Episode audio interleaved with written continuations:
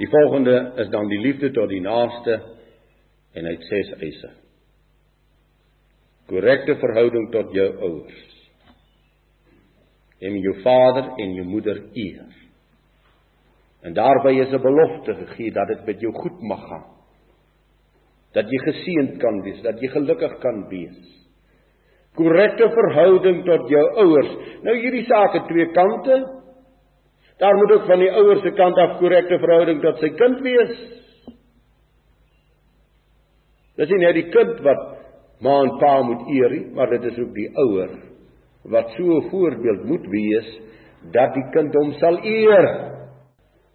Baie mense het al na my toe gekom of jong mense in hul tyd, hulle het 'n probleem met hulle ma of met hulle pa. Kry moeilik om hom te eer, om hom te respekteer. Vir hoeveel moes ek al in my lewe sê ek verstaan my kind? Dis verskriklik om daardie pa te eer. Wat jou vloek en slaan en dronk is en sleg is. Maar asseblief, hou jy die jou kant reg, hou jou kant reg. Verdra hom en vergeef hom.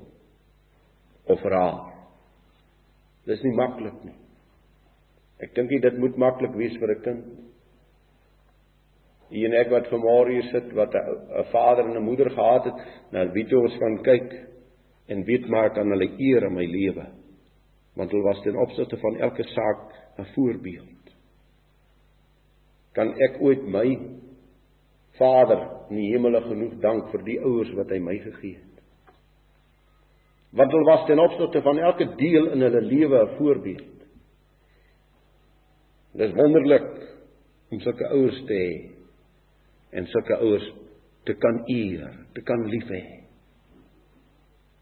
Korrekte verhouding en liewe kinders, julle wat vanmôre hier sit, wees lief vir ma en vir pa. Eer hulle, respekteer hulle, wees gehoorsaam aan hulle. Party dae daar raak ons moslimmer as hulle in ons lewe. Dit is maar so, op 'n stadium is ons moslimmer. En so na 'n tydjie dan kom ons agter nee, maar hulle was nie so onnoosel nie as hulle raad gee, as hulle waarsku, as hulle vermaan, weet hulle doen dit met 'n goeie rede. Met 'n goeie rede. Hoeveel aangenaamer sou die wêreld nie gewees het as hierdie verhouding sou korrek gewees het tussen ouers en kinders. Die skrif sê 'n ouer mag nie sy kind vertoor nie. Daar lê 'n wet ook op die ouer dat jy 'n voorbeeld moet wees vir jou kind te alle tye. Ons het 'n groot taak in ons lewe as ouers vanmôre en liewe kinders, julle het ook 'n groot verantwoordelikheid. Die volgende is die korrekte verhouding tot die lewe. Korrekte verhouding tot die lewe, jy mag nie doodslaan nie. Nou wil sê ons moet die lewe korrek sien. Ons moet die lewe as 'n gawe van Jawe sien en daarom moet ek nie doodslaan nie. Ek mag nie my hand aan iemand anders se lewe slaan nie. Ek mag nie my hand aan my eie lewe slaan nie. Wie hom wat sê raka vir sy broer. Dis dit wil dit wil sê wat 'n vloek uitspreek oor sy broer of wat sy broer vloek. Hy wat sy broer haat is 'n moordenaar sê Yeshua. Moet mooi luister. Ek moet 'n korrekte verhouding tot die lewe hê. Ek moet die kosbaarheid van die lewe sien. Ek moet die uniekheid van die lewe bes reg beskou want dit is uit die hand van Jawe. Nie een van ons kan asemhaal as Jawe ons nie laat asemhaal. Dis 'n wonder dat ons is.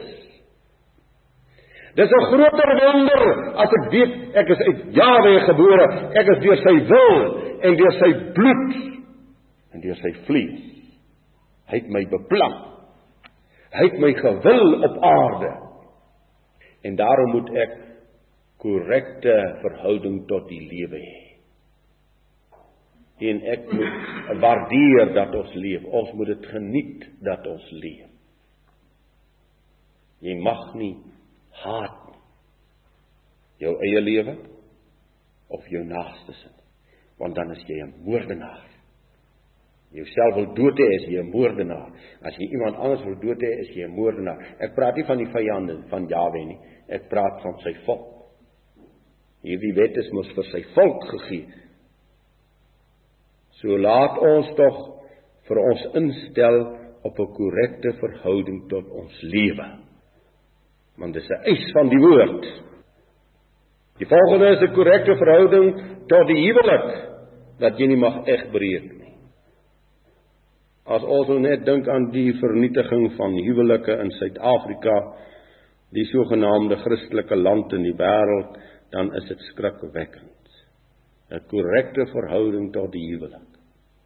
Jy moet oplet ek stel die positiewe van die wet. Jy mag nie egbreek nie. Jy mag nie 'n ander huwelik gaan vernietig nie. Jy mag nie 'n ander vrou van 'n ander man gaan vat nie. Baie duidelik in die skrif.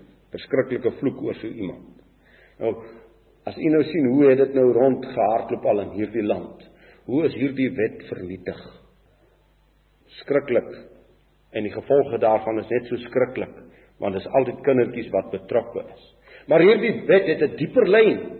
As u Malagi 2 gaan lees, ek het nie tyd om dit nou te doen vanmôre. Waar God sê ek haat egskeiding, sê Jawe. Dan gaan dit oor dat die volk hulle gaan vermeng het met die heidene. Hulle het uitlandse vroue getrou en daardeur het hulle die huwelik geminag met Jawe. Hulle die huwelik verbreek. Hulle die huwelik vernietig tussen God en sy volk. En daarom sê hy haat dit. Hy sê hy roep uit as dit in Hosea, hoe kan ek jou prys gee o Efraim? Hierdie hierdie liefde van Jawe tot sy volk waar hy, waar hy vir haar nou moet 'n egskeiding gee. Hy moet haar 'n skeibrief gee want sy het so sleg geword. Maar hy wil dit nie doen nie. Hierdie verbreeking van die huwelik. Sy dieper lyn in sy verhouding tot God en sy volk. Die volgende is 'n korrekte verhouding tot arbeid. Jy mag nie steel nie. Korrekte verhouding tot arbeid. In die sweet van jou aangesig sal jy jou brood eet. God het 'n persoon wat werk lief. Ek glo dit met my hele hart. Hierdie klomp steelers, hierdie goeters wat hier rondloop wat net steel. Hy wil net steel. Sy oë staan elke dag reg om te steel. Is omdat hy nie onder die wet van Jawe is nie. Maar die blanke volk is onder die wet van Jawe en ek moet werk.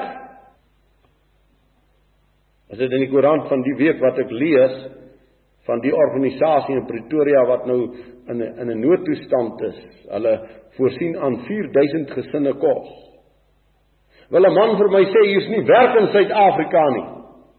Maar hy wil nie werk hy wil op 'n stoel sit met 'n pen op sy oor.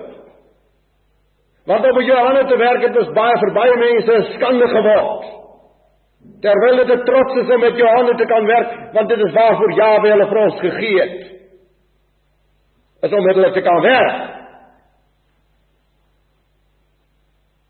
Korrekte verhouding tot arbeid. Ek weet dit is soms moeilik om te werk. Soms raak dit 'n bietjie swak. Maar weet jy daar's party dae wat ek daarom werk geniet. Verskriklik geniet.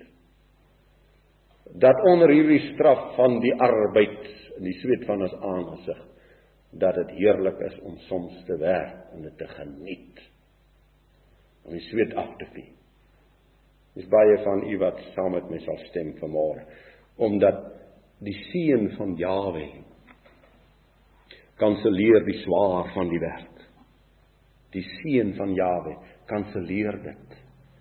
Die oomblik wanneer ek in sy teenwoordigheid werk, dan raak dit heerlik. Die oomblik wanneer ek op myself werk, dan raak dit swaar. Daar is dink ek steel is makliker, nê. Nee. Wat kom ons arbeid? En Jawe seën die wat onder sy naam arbei. Dit maak nie saak wat se werk ons vanmôre in hierdie wêreld het om te doen nie. Laat ons in al ons arbeid laat ons in al ons arbeid in sy teenwoordigheid arbei.